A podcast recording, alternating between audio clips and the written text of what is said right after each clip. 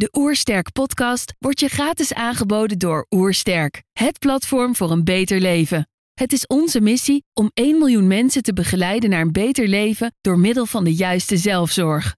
Wil je weten hoe jij kunt werken aan een beter leven? Ga dan naar www.oersterk.nu gezondheidscheck voor onze gratis gezondheidscheck en krijg direct jouw uitslag met persoonlijk advies. Mijn naam is Barbara Havenit en je luistert naar de Oersterk podcast. Je hebt een druk bestaan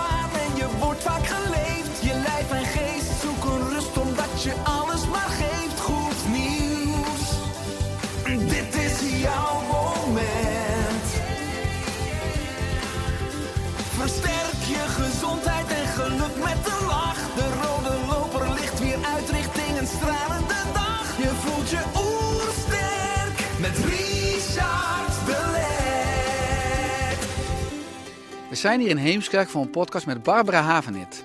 Barbara is integraal gynaecoloog, orthomoleculair arts en mede-auteur van het boek Hormoonbalans voor vrouwen. Ik ben benieuwd naar haar tips voor een beter leven. Trouwens, geniet je van onze podcast? Abonneer je dan en laat een reactie of review achter. Zo help je ons om het gezondheidsvirus te verspreiden. Let's start! De Oersterk Podcast. Een ontdekkingstocht naar een beter leven. Barbara, welkom. Dag Richard. Ik lees op de website, eh, het liefst noemt ze zichzelf vrouwenarts. En dan zeg je, vrouwenarts is een prachtig Nederlands woord dat goed weergeeft dat ik een arts ben voor, of dat ik een arts voor heel de vrouw wil zijn. Kun je dat toelichten? Ja, kijk, de officiële titel is gynaecoloog, maar vrouwenarts is ook nog het beschermde zeg maar, titel hè, van de medisch specialist. En ik vind het gewoon mooier. Gynaecoloog is natuurlijk eigenlijk hetzelfde, het is synoniem. Eh, Het komt uit het Grieks, gyn- gynaikos, vrouw. Maar ja, ik vind vrouwenarts echt klinken als de dokter die ik wil zijn. En niet meer de dokter van de onderdelen. Dat vind ik toch bij de gynaecologie heel erg. Hè? Van de baarmoeder en de eierstok en de- alles een beetje aan de buitenkant. En hè, zo dit. En eh, vrouwenarts vind ik inderdaad de vrouw als geheel. En mensen zijn geen eh, verzameling, niet, niet een, een, een puzzel van allerlei losse blokjes. En dat is een van de dingen die, waar ik na verloop van tijd wel tegenaan liep in de geneeskunde. Eh, dat we als het ware bij de poort van het ziekenhuis de patiënt uit elkaar trekken.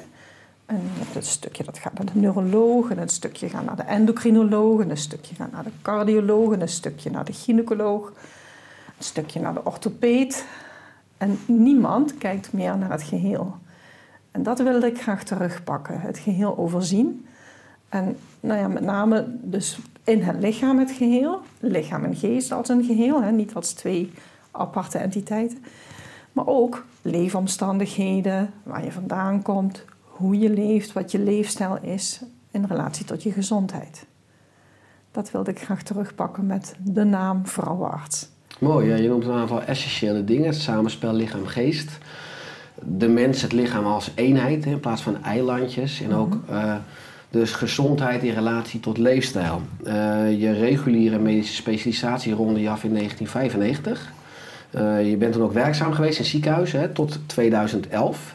Ben je toen deze visie zeg maar, in die jaren al gaan ontwikkelen en ging dat een gegeven moment knellen? Kun je wat meer toelichten over die weg vanaf 1995? Nou, de weg begon al wel eh, inderdaad eerder. Begon al voordat ik geneeskunde ging studeren. Vanuit eh, wat, wat ik ook zag in jouw eerste boek, de belangstelling voor niet-westerse geneeswijzen. Eh, ik had heel veel affiniteit met, met traditioneel Chinese geneeswijzen. Ik at macrobiotisch. Tegenwoordig noem ik het macro-idiotisch. Maar oké, dat is een zijweg. Eh, en, ehm, nou, dus die belangstelling was er. En ik dacht, ik ga geneeskunde studeren. Die weg moet je gaan. En dan kan ik vervolgens weer de weg terugnemen. De weg terug heeft wel iets langer geduurd. Ik ben uiteindelijk regulier gaan specialiseren. Ehm, wilde ik ook heel graag, omdat ik dacht van, nou, vanuit een medisch specialisme kun je mensen toch ook veel, vrouwen veel beter bedienen dan als basisarts. Of, goed, dat was mijn visie. Maar je merkt dat je ook heel veel moet eh, ja, weglaten. Je kan niet meer breed kijken als je als bijna niet breed kijken als je als medisch specialist in een ziekenhuis werkt. Je ziet nu langzamerhand dat het begint te keren. Ik hoor steeds meer medisch specialisten, maar ook huisartsen die inderdaad weer die bredere blik willen ontwikkelen. Niet dit, de richtlijn geneeskunde, maar toch ook het geheel overzien en ook veel meer belangstelling voor de preventie en de leefstijl in relatie tot gezondheid. We hebben ik, ik denk dat we in Nederland een heel goed systeem hebben wat betreft gezondheidszorg als je iets acuuts hebt. Als je breekt een heup of je hebt een longontsteking, noem maar iets. Maar we kijken veel te weinig naar ja, de preventie en naar de oorzaak van ziektes. Dus we kunnen prima de boel bij elkaar vegen en opnieuw in elkaar zetten, maar niet van hoe komt het stuk, zeg maar. Daar wordt in de opleiding geneeskunde nog veel te weinig naar gekeken. Ik weet niet of je het gelezen hebt. Uh, er is een, een nieuwe uh, beschrijving van hoe de medische opleiding er zou moeten uitzien, het kader. En daarin staat preventie en aandacht voor leefstijl. Dat is echt heel mooi. En um, nou, het is een heel mooi stukje wat, wat me echt uh, mijn hart snel al liet kloppen toen ik het zag. Dat ik dacht van yes, we zijn weer op de weg zoals het moet. Mooi ja. ja. Differentiatie naar integratie en ook weer veel meer het omarmen van misschien de oude reguliere geneeskunde van Hippocrates qua voeding en leefstijl, preventie. Uh, je begon dus met een stukje voor 1995. Nou, in 1995 was je dan vrouwarts. Mm -hmm. ging je aan het werk in uh, ziekenhuizen, ervaring tot, tot 2011. Wat deed je uiteindelijk besluiten om uiteindelijk dan die witte jas daarop te hangen en een andere weg in te slaan? Het was vooral de realisatie van, ik was, hoe oud was ik toen? 45, van jee, ik ga nog 20 jaar, 22 jaar zo werken. En wil ik het op die manier gejakker. Mm En hè, hele volle polies. Je zag zo op een ochtend 25 mensen. Ja, 10 minuten voor een vervolggesprekje. Het was echt haast. En als iemand even iets meer tijd nodig had, en dat gunde ik mensen altijd heel erg, dan liep het zo weer uit. En dan wist je, anderen die zitten nu te wachten. Of je moest inhalen door nog meer te jakkeren. En eigenlijk deed je mensen geen recht. En dan kwamen er ook echt patiënten bij me van ja, buikpijn. Hè? Een probleem wat je als gynaecoloog ook heel veel ziet. Weet je, die waren dan al drie keer met een aanval op de SEH geweest. Nou, het was dan nooit een appendicitis. En dan had ook al eens een gynaecoloog gekeken met een echo. Nee, dat was ook niks gynaecologisch.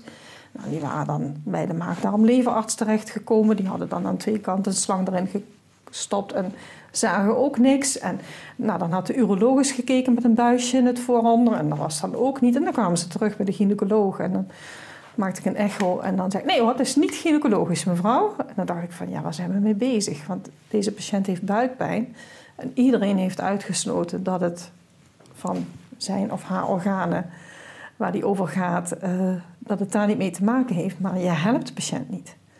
Niemand heeft nog tijd om te praten wat veroorzaakt nou jouw buikpijn. Heeft het te maken met stress? Heeft het te maken met je voeding? Heeft het te maken met ja, heel, heel veel andere factoren die mogelijk kunnen zijn? Hè? Met drukte, met te veel hooi op je vork. Of uh, nou, misschien is het wel iets in dat lichaam functioneel wat we niet kunnen zien als we slangen erin stoppen of buisjes of echo's. Misschien is het iets wat je niet op beeld kunt krijgen, maar gaat het over de functie van het geheel. En uh, nou ja, die, die, die vraag was eigenlijk ook aan stellen, was het beantwoorden van ja, twintig jaar zo nog werken, dat ga ik gewoon niet doen. Dat is niet mijn weg. Weet je daar eigenlijk niet gelukkig van? En ik zag me op de lange duur zeker niet gelukkig blijven. Ik, ik, heb, ik heb met heel veel liefde het vak gedaan. Ik vond de verloskunde ontzettend leuk. Ik heb het altijd met veel plezier gedaan. Maar op een gegeven moment ook ja, het werd ook een beetje technisch. Het is een trucje. Dan heb je het al zo vaak gedaan. duizenden bevallingen. En op een gegeven moment ga je werken als gynaecoloog met, met, met de klinisch verloskundige was in die tijd. En dan kom je als gynaecoloog eigenlijk alleen nog maar naar binnen op het moment dat er iets ellendigs was. Goed, je staat ook niet meer te wachten op tussen twee en, en half vier s'nachts naast een mevrouw die haar eerste kind krijgt. Een uur persen, zeg maar dat is ook op een gegeven moment niet meer zo charmant. Dat je denkt van dat is leuk de eerste duizend keer, maar daarna misschien wat minder. Maar ja, dat, dat technisch alleen maar naar binnen komen als er een keizersnee gedaan moet worden of een of iets ellendigs, mensen in stress, vond ik ook niet meer zo uh, prettig. Dus daar heb ik afscheid van genomen. Ja, ja en je ging uh, om je heen kijken en je richt je eigen, om je eigen bedrijf ook op. Je bent als medisch specialist ook enorm nieuwsgierig. Je ging ook andere opleidingen mm volgen. Orthomoleculaire geneeskunde, de psychoneuroimmunologie. Mm uh, waar komt die nieuwsgierigheid vandaan? En welke antwoorden heb je ook uiteindelijk in die andere stromingen gevonden om die vrouwen beter te kunnen helpen? Die nieuwsgierigheid had ik altijd al. In die zin van dat ik, dat ik ook al tijdens mijn gynaecologieopleiding bijvoorbeeld een haptonomieopleiding heb afgerond. En al, al eh, heel lang verdiepte in die gezondere voeding. Eh, dus die was er al wel, maar ook, ook dat ik altijd heel graag wil weten waarom dan. Ik herken dat heel erg eh, in, in mijn kinderen die dat ook honderd keer vragen op een dag. Ja, maar waarom dan? Toen ze klein waren. Nu niet, iets minder, ze zoeken nu zelf uit. Maar ja, dat heb ik altijd wel gehad, dat ik het wilde weten. En niet gauw tevreden ben met van ja, want het staat in de richtlijn. Maar waarom dan? Maar hoezo is het zo opgeschreven? En eh, nou ja, toch, toch altijd het naadje van de kous willen weten. Omdat ik denk dat je zo mensen gewoon veel beter kan helpen. Dat was een van de dingen. Oorzakelijk denken, naar de oorzaak toe. Juist, juist. Dat, dat, dat zijn we een beetje verleerd, vind ik, in de geneeskunde. Ja. ja. En uh, nou ja, die eigen vrouwenpolie was een droom. Ik uh, heb een vriendin die gynaecoloog is in Duitsland. vrijgevestigd vrouwenarts al daar, ook vrouwenärztin. En dat was mijn grote voorbeeld. Zij is jonger dan ik, maar zij had gewoon het lef om te zeggen... ja jongens, de groeten jullie met je krankenkassen, de zorgverzekeraar. Ik ga het gewoon zelf doen op mijn manier. Integratief. Dus tijd nemen om te luisteren naar het verhaal en goed kijken inderdaad van welke factoren allemaal bijdragen aan gezondheid en ziekte. En mensen, vrouwen, op die manier weer versterken. Dus de, de kracht geven van om zelf weer het heft in handen te nemen. Het heft van de gezondheid. Ja. ja. Is de zorg in Duitsland veel anders? Uh, zeg maar wat anders qua organisatie. Uh, de laatste jaren ook is het veel meer op elkaar gaan lijken dan het ooit vroeger was. Uh, je had nogal een tweedeling vroeger met krankenkassen en privaat. Dat had je vroeger in Nederland ook, hè, de privéverzekeraars en de, en de ziekenfondsen. Als privéverzekerde kon je veel meer en had je veel meer keuzevrijheid. Dat is afgeschaft, ook in Duitsland en hier ook. En wat in Duitsland heel anders is, is dat veel medisch specialisten gevestigd zijn in de stad of het dorp met een praktijk. En dat is in Nederland iets wat al in de 60er jaren uh, weggegaan is. Hè. Je had hier ook vrij gevestigde medisch specialisten in, in, in steden en in dorpen. Tegenwoordig zit iedereen in het ziekenhuis. En het is weer langzaam een beetje terug aan aan het komen.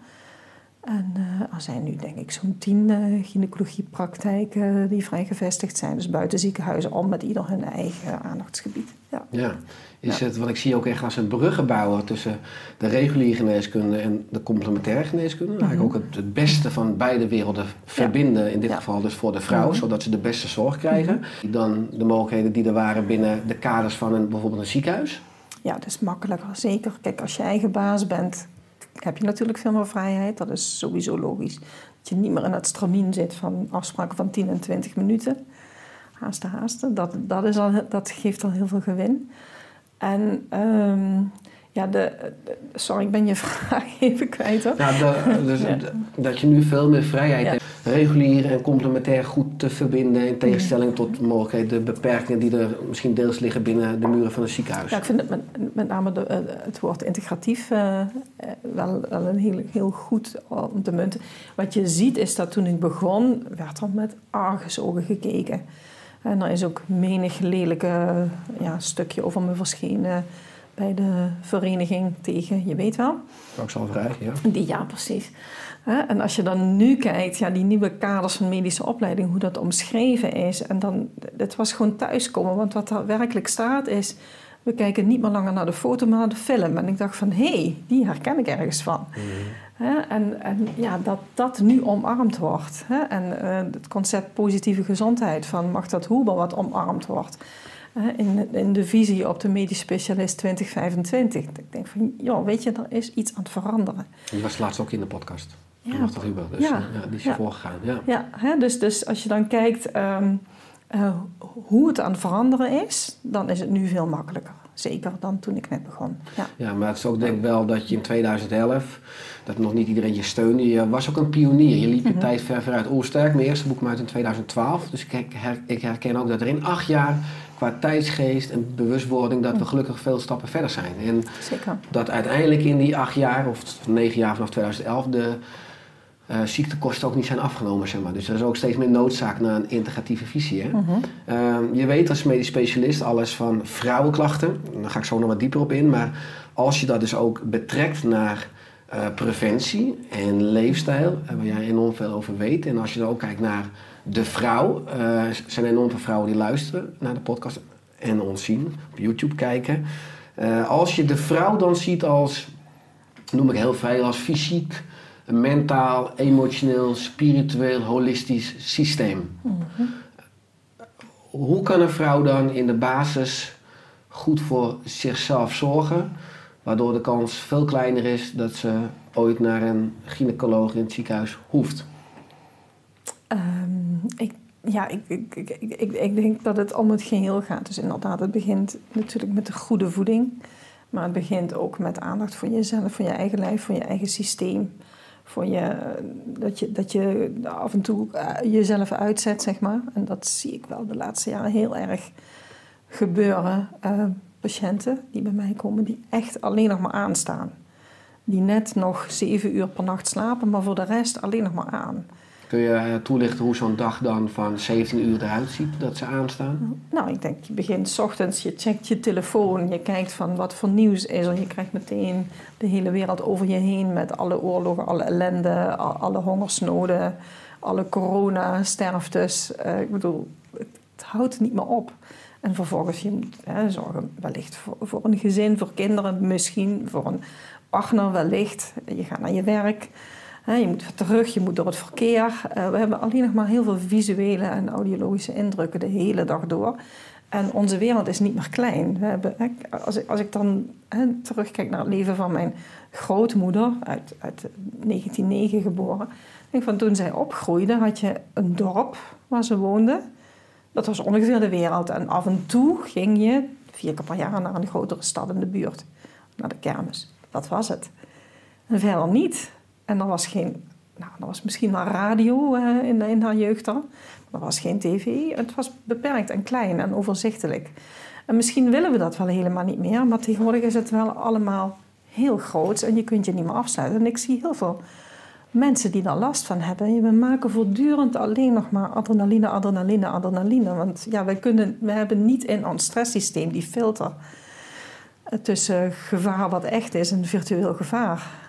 En als je alleen nog maar adrenaline maakt, dat is niet zo erg goed voor je, voor je hormoonhuishouding, voor je vrouwelijke hormoonhuishouding, voor je estradiolverwerking. Want dat bijt elkaar. En ik zie daardoor echt veel eh, vrouwen in de problemen komen. Ja. Ja, en estradiol is dus een oestrogeen. Vorm. Dat is het belangrijkste vrouwelijke oestrogeen. We hebben verschillende soorten oestrogenen. Ja. Ja. Estradiol en van je vruchtbare levensjaren. Oestron, wat in het vetweefsel wordt gemaakt. Voor en na ook de vruchtbare levensjaren. Dat zijn de belangrijkste. En estri, eh, estriol, nog het hormoon van de zwangerschap. Dat zijn de drie belangrijke Mooi, nou gelijk een stukje masterclass Ja, in de precies. podcast. Ja. Eh, je zei dat je eh, het antwoord opende natuurlijk het belang van goede voeding. En daarvoor zei je al macrobiotisch. En dat noem Ja. je dan nu anders. Eh, wat is dan eh, goede voeding? En hoe is in de jaren dus jouw perspectief op goede voeding Mhm. gewijzigd? Nou, in- die zin dat ik, dat ik veel meer ben gaan zien dat we echt moeten kijken naar hoe, we, hoe de mens zich vroeger voedde. In de periode dat we mens geworden zijn, hè, die, die honderdduizenden jaren sinds Homo sapiens er was. Eigenlijk is pas een, een- ja, de laatste eh, 5000, 10.000 jaar is er iets veranderd dat we, dat we landbouw gingen toepassen. Voor die tijd jager-verzamelaar. En als je dan kijkt wat er veranderd is sinds Wereldoorlog 2 eh, beëindigde. Denk je, en met name de laatste 30 jaar, er is zoveel veranderd in ons voedingssysteem. Het is ja, haast niet meer bij te benen. En het is niet meer de voeding die voedt, die we tot ons nemen.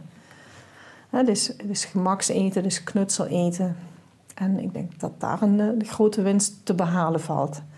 En ik zeg echt niet dat iedereen zijn eigen stukje grond moet eh, gaan bebouwen. Hè, zoals vroeger natuurlijk ooit wel het geval was. Je had een moestuin. Hè, je had geen tuin, maar je had een moestuin. Tegenwoordig hebben we siertuin. Maar ehm, dat hoeft niet. Maar, het vers en onbewerkt. en als je dan kijkt wat het dichtst bij komt...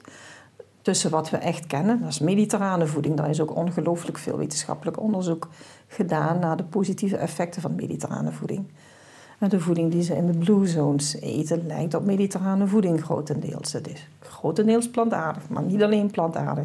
Dus in ieder geval heel erg veel groenten en beperkt fruit, maar ook ja, kleine dieren, visjes, schaaldieren, schelpen, eh, krabbetjes, kreefjes, insecten wellicht. Nou, daar zijn we tegenwoordig nog niet zo voor in. Gevogelte eieren, beperkt zuivel, hè. Het hoort er wel allemaal bij. Is, het is heel, een heel breed palet en heel veel verschillende soorten voedingsmiddelen. En dat was natuurlijk voor het eerst in de opleiding KPNI dat ik daar iets over leerde. Over oervoeding, het concept, over diversiteit in voeding, over ja, breed zo breed mogelijk kiezen. Hè? Dus, dus je niet beperken tot de, de 30 soorten voeding die de supermarkt aanbiedt, maar ja, echt, echt weer terug naar hoe het oorspronkelijk was. Ja, ik kan me voorstellen dat er ook nog heel veel vrouwen zijn die de relatie tussen voeding en hun vrouwelijke hormonen niet kennen. Of er ook niet van weten dat er een koppeling is, omdat ze er nooit wat over geleerd hebben. Nee, dat klopt. Ja, dat is ook zo. Uh, we hebben geen voedselvaardigheid geleerd op onze school. Het is, het, ik bedoel, eh, menigeen weet niet eens hoe het groeit, voeding. Wanneer kom je nou nog eens in een moestuin? En ja, goed, ik, ik, ik ben zelf opgegroeid met een moestuin. Mijn vader had een enorme moestuin. Dus goed, je, kende de soorten voedingen, wist wanneer wat uh, klaar was om te oogsten.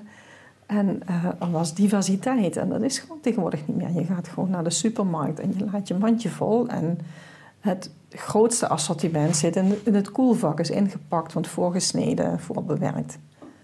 En dat is toch anders dan hoe het tot tientallen jaren geleden was.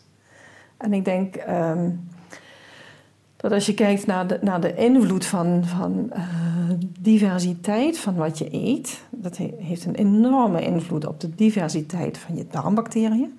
En juist de diversiteit van darmbacteriën, die ieder hun eigen stofjes weer maken, is van heel groot belang voor je hormonale gezondheid, maar bijvoorbeeld ook voor je geestelijke gezondheid. De, de enorme tienbaans uh, snelweg tussen darm en, en hersenen, om maar iets te noemen.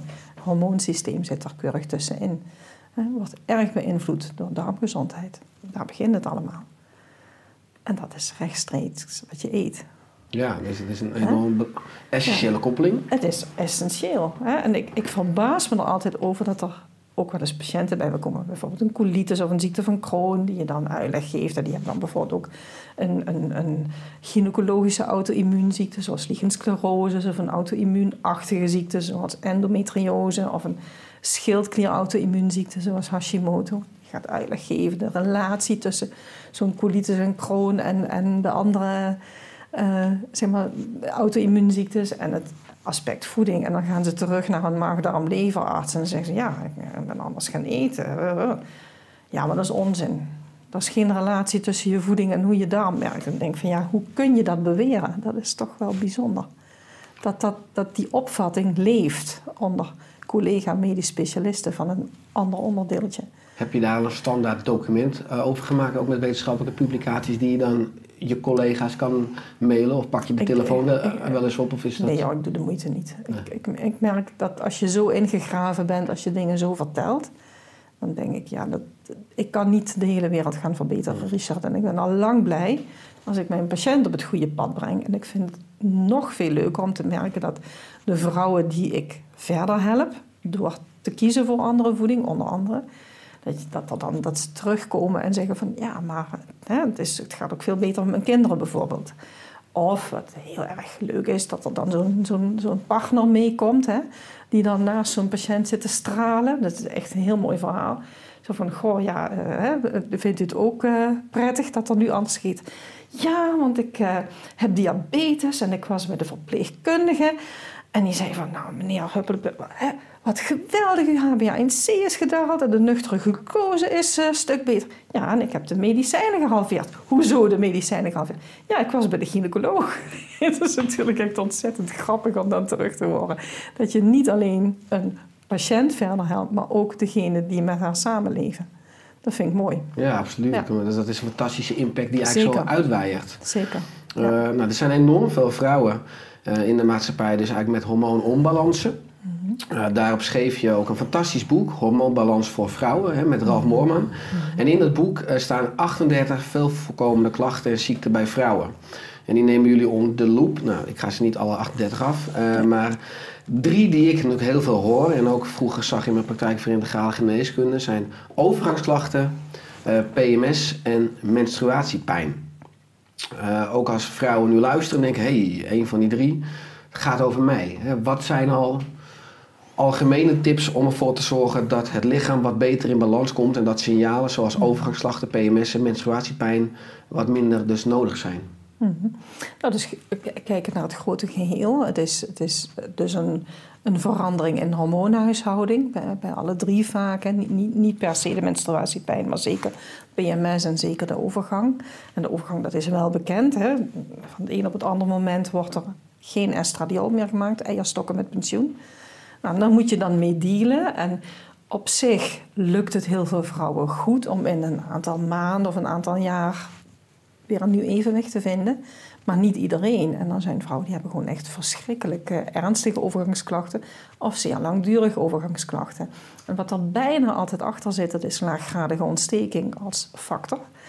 En dan is het goed om je af te vragen, nou, hoe komt ja, deze patiënt dan aan die laaggradige ontsteking? Dus als je nu luistert en je hebt overgangsklachten, ga bij jezelf na. Wat kan er spelen? Wat is er in onbalans? Waardoor ik niet terug in het evenwicht kom met, andere, met lagere hoeveelheid hormoonproductie. Want daar gaat het om. Het gaat altijd om flexibiliteit, om veerkracht. En wat heeft zo'n impact op je veerkracht dat je niet je opnieuw kan aanpassen, dat je lijf zich niet opnieuw kan aanpassen aan een verandering in hormoonhuishouding. En nou, dat heeft bijna altijd iets te maken met stress enerzijds en anderzijds met hoe het lijf werkt. Ook vaak onder invloed van stress minder goed, ontstekingen onder invloed van uh, bijvoorbeeld stress, maar bijvoorbeeld ook een lekke darm is heel vaak een, een achtergrond. Vrouwen die hoge bloeddruk hebben en daardoor opvliegers hebben. Vrouwen die schildklierproblemen hebben en daardoor opvliegers hebben. Ook vaak weer terug te leiden naar laaggradige ontsteking als achterliggende oorzaak. En ja, dan dus bekijken hoe, komt, hè, hoe kom je dan aan die laaggradige ontsteking. En dat heeft heel vaak te maken met lekkages in barrières, in, hè, waar de binnenkant van ons lichaam en de buitenkant van het lichaam Ja. hè, aan, aan elkaar grenzen. En dat vind je heel vaak in de mond en dat vind je heel vaak in de darm. Oké, nou ei- eigenlijk is het dus heel simpel wat ik doe. Namelijk kijken hoe komt degene in onbalans en altijd kijken naar stresssystemen en altijd kijken naar eh, de barrières. Het immuunsysteem met andere woorden. En vaak kun je vrouwen zo weer eh, in balans helpen. Van de andere kant, wat er nodig is voor herstelbalans, als je het nu hebt over de overgang, dan eh, ja, vergt dat ook flexibiliteit. Want immers, het is handiger als je dan een ander soort voeding gaat doen. Het is handig als je body-mind technieken leert. Maar als je gewoon geen nacht meer doorslaapt en de ene na de andere opvlieger moet wegwuiven, dan heb je gewoon de energie niet om te veranderen. Dus wat ik dan heel veel doe, Richard, is vrouwen echt hormonen geven, bio-identieke hormonen uiteraard, hè, waarvan veel voordelen bewezen zijn en maar heel weinig nadelen zijn aangetoond. Eigenlijk haast niet. Om die veerkracht terug te geven en de verandering te kunnen maken. Dus dan kies ik toch ook voor reguliere geneeskunde.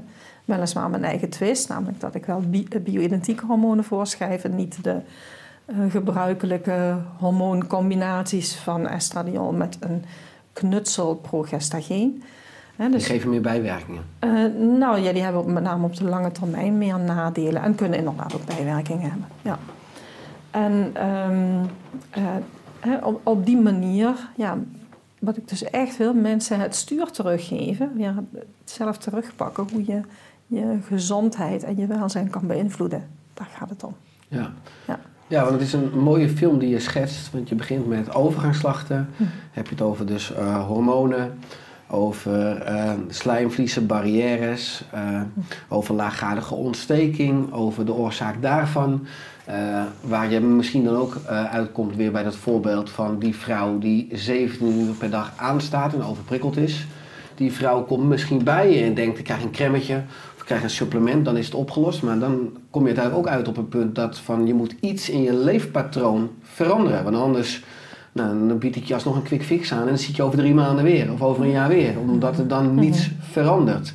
Dat vrouwen echt dat bewustzijn al hebben, waarschijnlijk omdat ze je kennen, ze volgen je via social media of via een nieuwsbrief of via alle interviews hè, die je veelvuldig hebt. Dat, dat, dat je eigenlijk dus zeg maar, in de spreekkamer al met 1-0 voor staat, omdat de patiënt ook veel meer verlangen naar die holistische aanpak Ja. van jou? Een groot deel van de patiënten is al heel bewust bezig met voeding en leefstijl, maar er zijn er ook die, ja, voor, voor wie dat nog Chinees is, zeg maar, die echt daar zich nog nooit mee hebben bezig gehouden. En die s'avonds een, een blik eh, of een pot witte bonen in tomatensaus opendraaien en dat als warme maaltijd zien. Die komen ook hoor. Ja, Dus heerlijk, heerlijk. Ja, En daar kun je nog he- heel veel bereiken, zeg maar. Dat is heel, dat, is heel divers. Ja, zeker. Ja, en ik, ik neem aan dat dat hele spectrum je werk ook zo dynamisch maakt. Dat je iedere Absoluut. uur moet schakelen. Zeker, Ja. zeker. Het is altijd weer ja, je goed verdiepen, dus goed luisteren naar, dat, naar het verhaal. Ja. Dus ook de, de, de filmgeneeskunde. Dus niet kijken wat is de klacht op dit moment, welke richtlijn past erbij, welk pilletje staat erin. En dat schrijf ik voor. Hoe is het zover gekomen dat iemand op dit moment deze klacht heeft? Wat is er aan vooraf gegaan? Ja. Wat heeft bijgedragen aan het probleem? En dan, we hebben het over de overgang gehad. En als je dan kijkt naar PMS, hè, daar vroeg jij ook naar. Van, ja, dat heeft heel veel te maken met het voortdurend aanstaan. Omdat hè, PMS, en dat staat niet in de officiële richtlijn. De officiële richtlijn van de Vereniging Gynaecologie is... eh, voeding en leefstijl kunnen een positief effect hebben. Punt. Er staat niet in wat dan de verandering zou moeten zijn. Dus als gynaecoloog leer je daar niks over. En help je de patiënt ook niet op dat vlak. Want je hebt nooit iets geleerd in je, eh, in je opvoeding, in je opleiding over voeding en leefstijl. Dus je leest over het eerste punt heen. En dan vervolgens staat er, je kan kiezen voor een antidepressivum of voor de pil. Want dat is evidence-based werkzaam. En wat wij daar anders doen, is dat we kijken naar hormoon, eh, metabolisme, hormoonstofwisseling, is het eh, Nederlandse woord. Hoe worden hormonen in het lichaam verwerkt? En we kijken naar de haperingen en kunnen dan bijsturen. Specifieke voedingsmiddelen ook alweer, met voeding in het algemeen.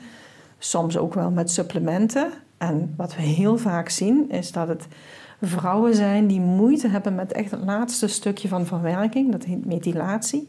Dat het daar helemaal spaak loopt. En ja, het heeft een tijd geduurd voordat ik het inzicht kreeg waarom we dat nou zo vaak zien. Dat methylatie juist het probleem is. En het heeft echt een tijd geduurd voordat ik me realiseerde dat als je traag methyleert, dat dat vanuit onze evolutie waanzinnig veel voordelen heeft. Want dan breek je oestrogeen minder goed af. Met andere woorden, je bent vruchtbaarder. Hè, dat is evolutionair gezien een handigheidje.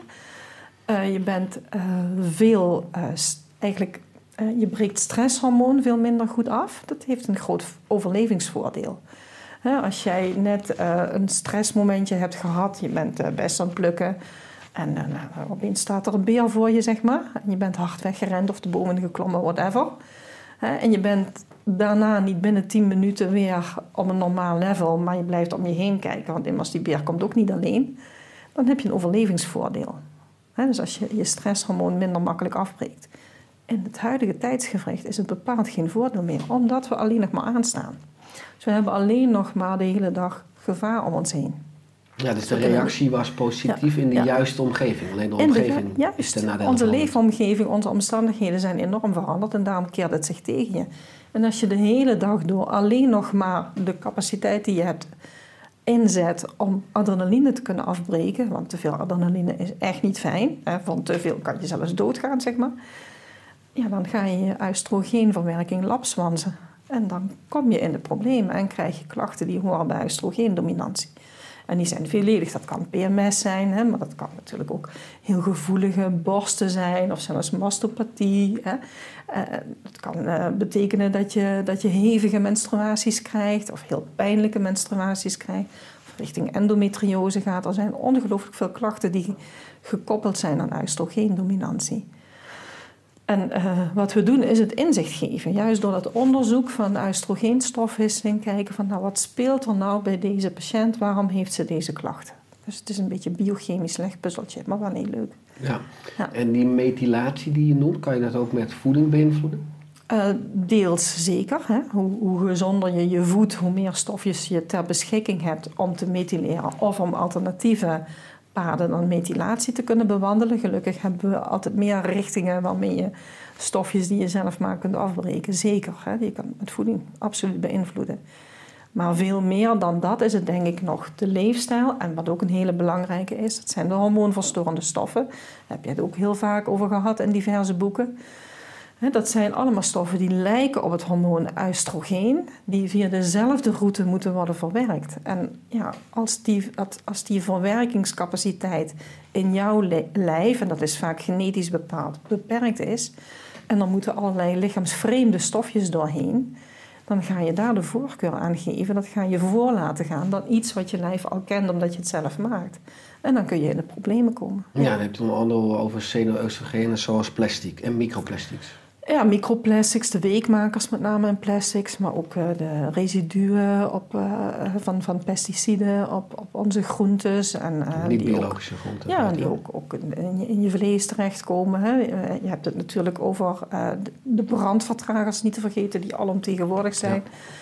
Die, die dampen, de PVC-keukenvloer, vloer, je, je, je PVC-regenpak, je sportkleding, om, om maar eens wat voorbeelden te noemen. En eh, alle conserveermiddelen in alle verzorgingsproducten die we zo'n beetje, hè, doof enzovoort, die we op ons lijf doen.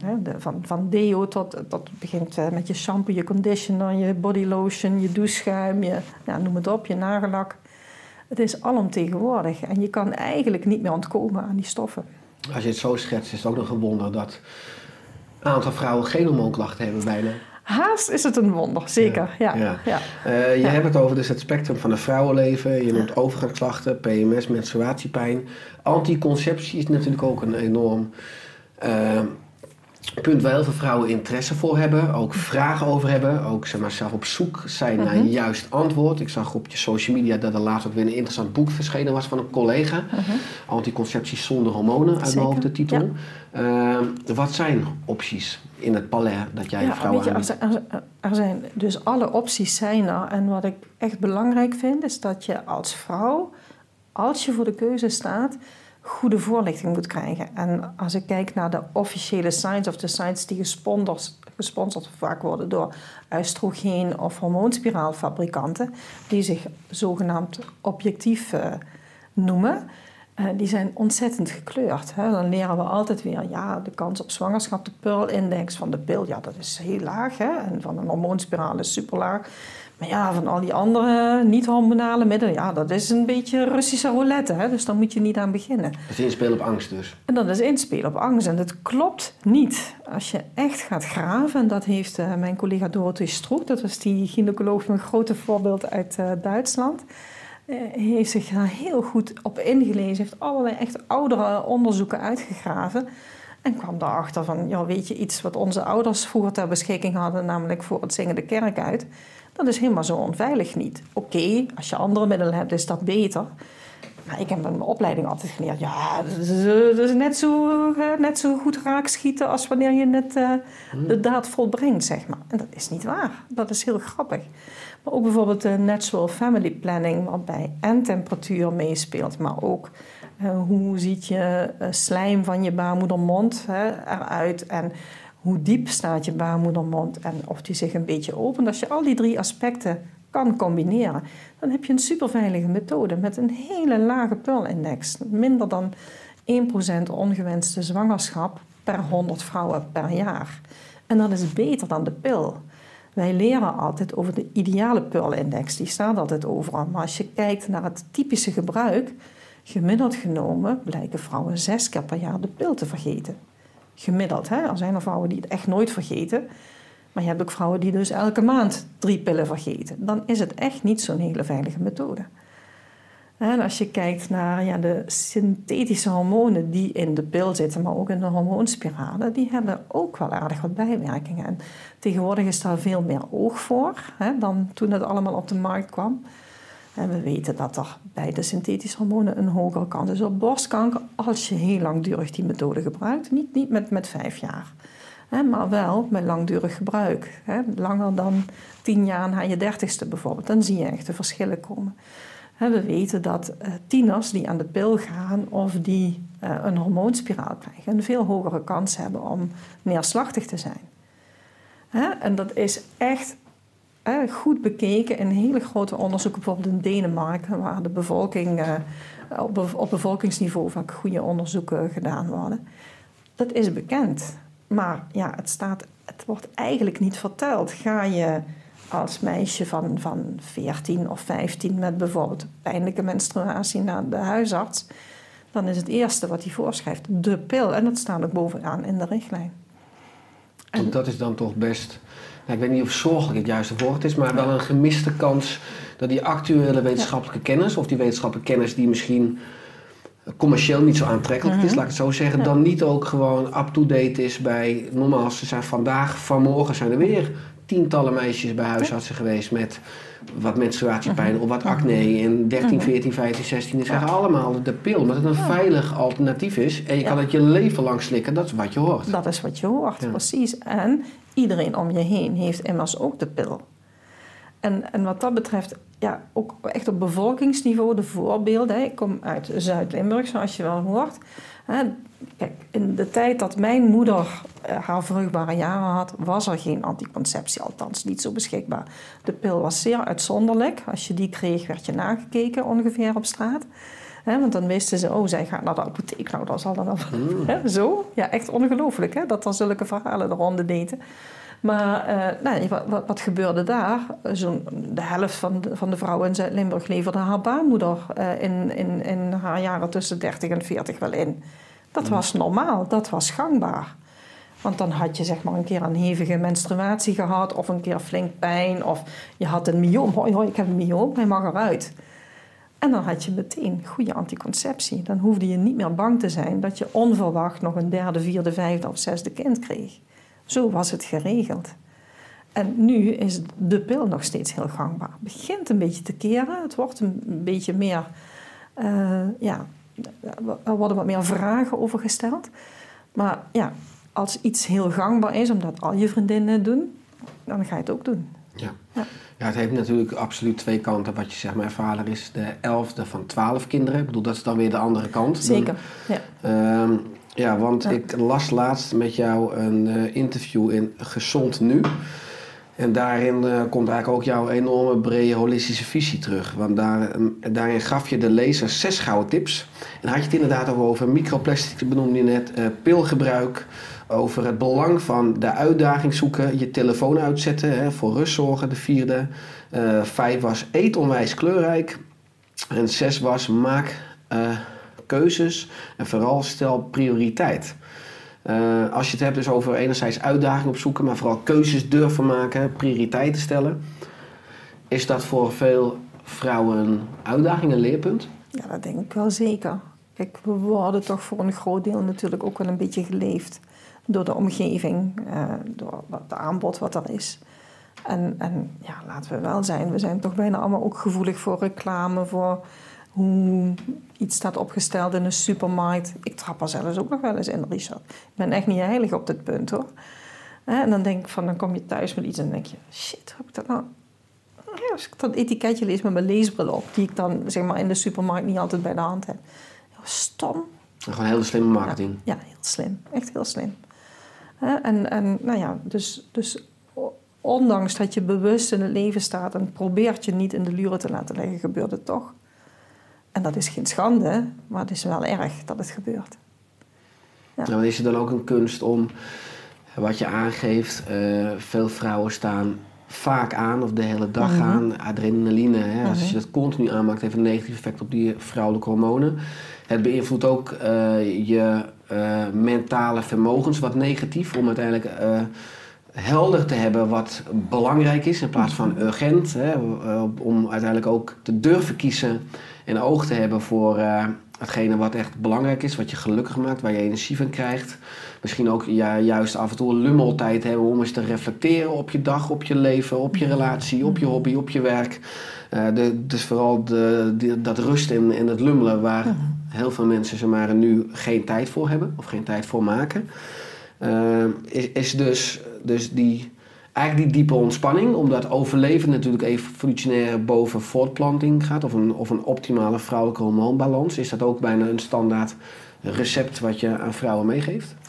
Zeker wel. Hè? Dus, dus vrouwen krijgen bij ons altijd een breed advies. En dat gaat over leefstijl en over voeding. En inderdaad over rust en stress. En, het gaat altijd over uh, body-mind technieken staan erin. En maar ook, ook natuurlijk beweging. Een heel belangrijk onderdeel van, van hoe je gezond blijft. En, ja, en, en, en het advies is altijd zoek iets wat bij je past. Hè? Want er zijn ook echt mensen, ik zelf ook, die helemaal na worden van in een groepje uh, yoga zitten doen. En iedereen kan in die, in die positie. Ik nooit, hè? dat lukt mij niet. Ik krijg altijd stress van, dus dan ga ik iets anders doen waar ik wel goed in ben. Ook een body-mind techniek, een dans body-mind techniek. En ja, door, door goed te zoeken en goed om je heen te kijken, vind je altijd wel iets wat bij je kan passen. Ja, wat zijn nog andere body-mind technieken? Je zegt yoga, je zegt dans. Mindfulness bijvoorbeeld natuurlijk is een hele belangrijke meditatie. Hè? Maar je kunt ook, uh, je kunt ook body-mind uh, zijn. Dus, dus in, in NIA, die, die dans die ik dan doe, maar daar zitten bijvoorbeeld ook martial arts in. Dat heb ik heel lang, heel fanatiek gedaan, ook alleen martial arts. Dus ook heel erg body-mind. Heel erg terug naar hoe je lijf voelt en hoe je staat, hoe je beweegt. Eh, het bewustzijn daarvan, dat creëert ook gezondheid, denk ik.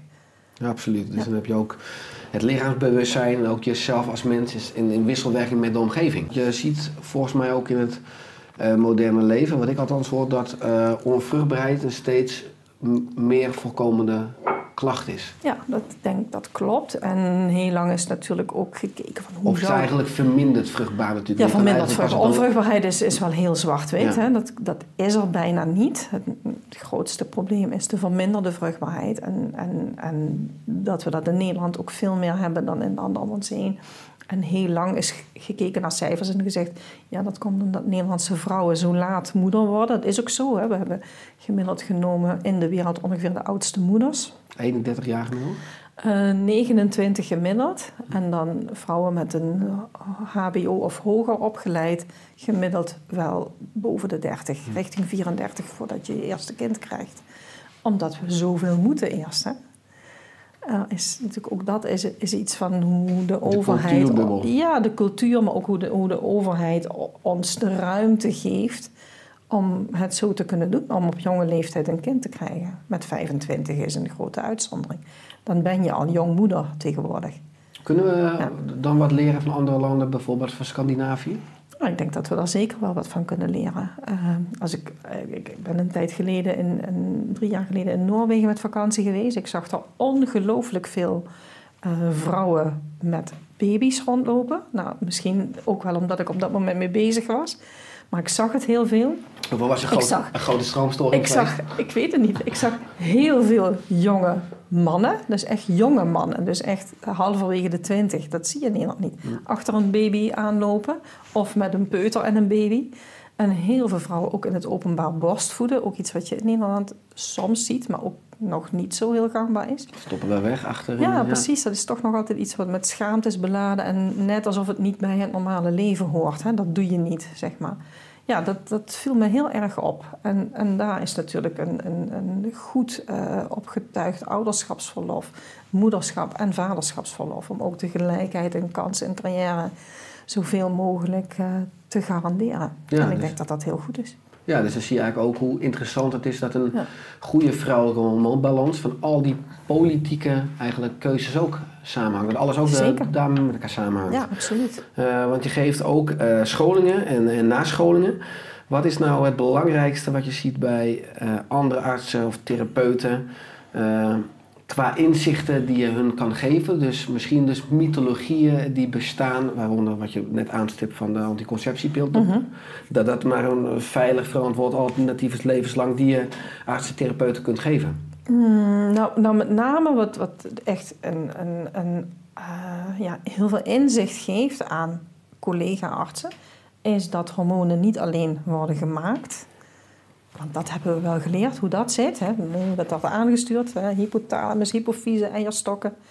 Oké, dat er ook nog samenhang is tussen schildklier en bijnier en uh, alvleesklier, insuline en hormonen van de eierstokken. Dat is al vaak een heel erg van, oh, oh, oh, hoe zit het zo?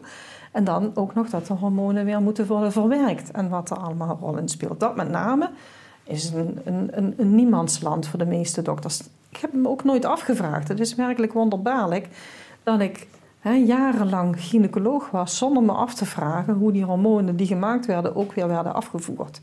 Ik wist het niet. Het stond in geen enkel boek.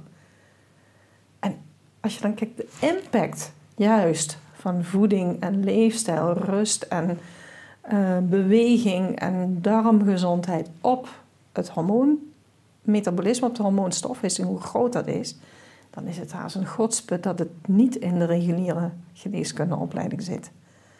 En dat is vaak een enorme eye-opener. Ja. Zie je dat aankomende 10, 15, 20, 25 jaar nog wel opgenomen worden in de reguliere geneeskunde? Of je van het zijn gewoon twee verschillende werelden? Ehm, er zijn wel publicaties over het onderwerp, die vind je als je goed graaft op de, grote site met wetenschappelijke onderzoeken PubMed. Daar vind je zeker wel wat informatie terug. Ehm, gemiddeld genomen blijkt het inzicht, het bewezen, zeg maar, wat bewezen wordt met wetenschappelijk onderzoek, zo'n 17 jaar eh, nodig te hebben voordat het in een richtlijn terechtkomt. Ik heb hoop, Richard. Komt. Ja, absoluut. Dus... Zoals je kijkt hoe nu eh, toch her en der in de richtlijnen al iets staat over voeding en leefstijl. En net iets meer als de beroemde richtlijn die ik net noemde, de premenstruele syndroomrichtlijn. Voeding en leefstijl kunnen een positieve invloed hebben op de klacht, punt. Maar net iets meer, namelijk wat dan moet gebeuren, ja, dan is er hoop. Absoluut, nou, dat, Ja. dat geloof ik ook. Ik geloof Ja. uiteindelijk dat het Ja. ook allemaal goed gaat komen. Eh, je vertelde al dat je natuurlijk enorm veel bevallingen hebt gedaan. En dat vroeger ook wel iets wat je zei tussen Ja, ik, half ik, ik, twee. heb, ik heb er maar twee gedaan, Richard. Die van mijn eigen kinderen. En bij de andere was ik aanwezig. Dankjewel Grapje. voor de nuance. Gynaecologie grapje, hou ik van. Eh, ja, de twee. Maar ja, dus in ieder geval het fijne is wel dat je, het lijkt me ook als vrouw zijn. Je hebt ook als man natuurlijk veel, eh, maar als vrouw zijn dan weet je ook echt natuurlijk wat het inhoudt. Dus je hebt ook wel mannelijke gynaecologen. Maar Ja. ik zeg niet per se dat, eh, dat die minder waardig zijn, maar je hebt veel mogen begeleiden. Ja.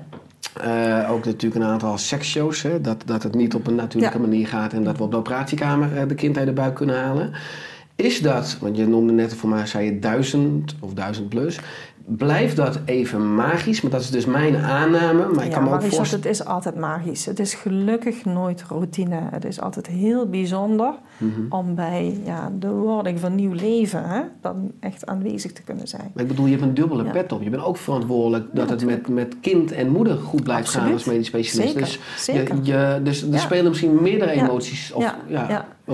En ja, absoluut. Er spelen altijd heel veel emoties. En ja, eh, heel veel mensen hebben toch nog altijd een beetje het idee...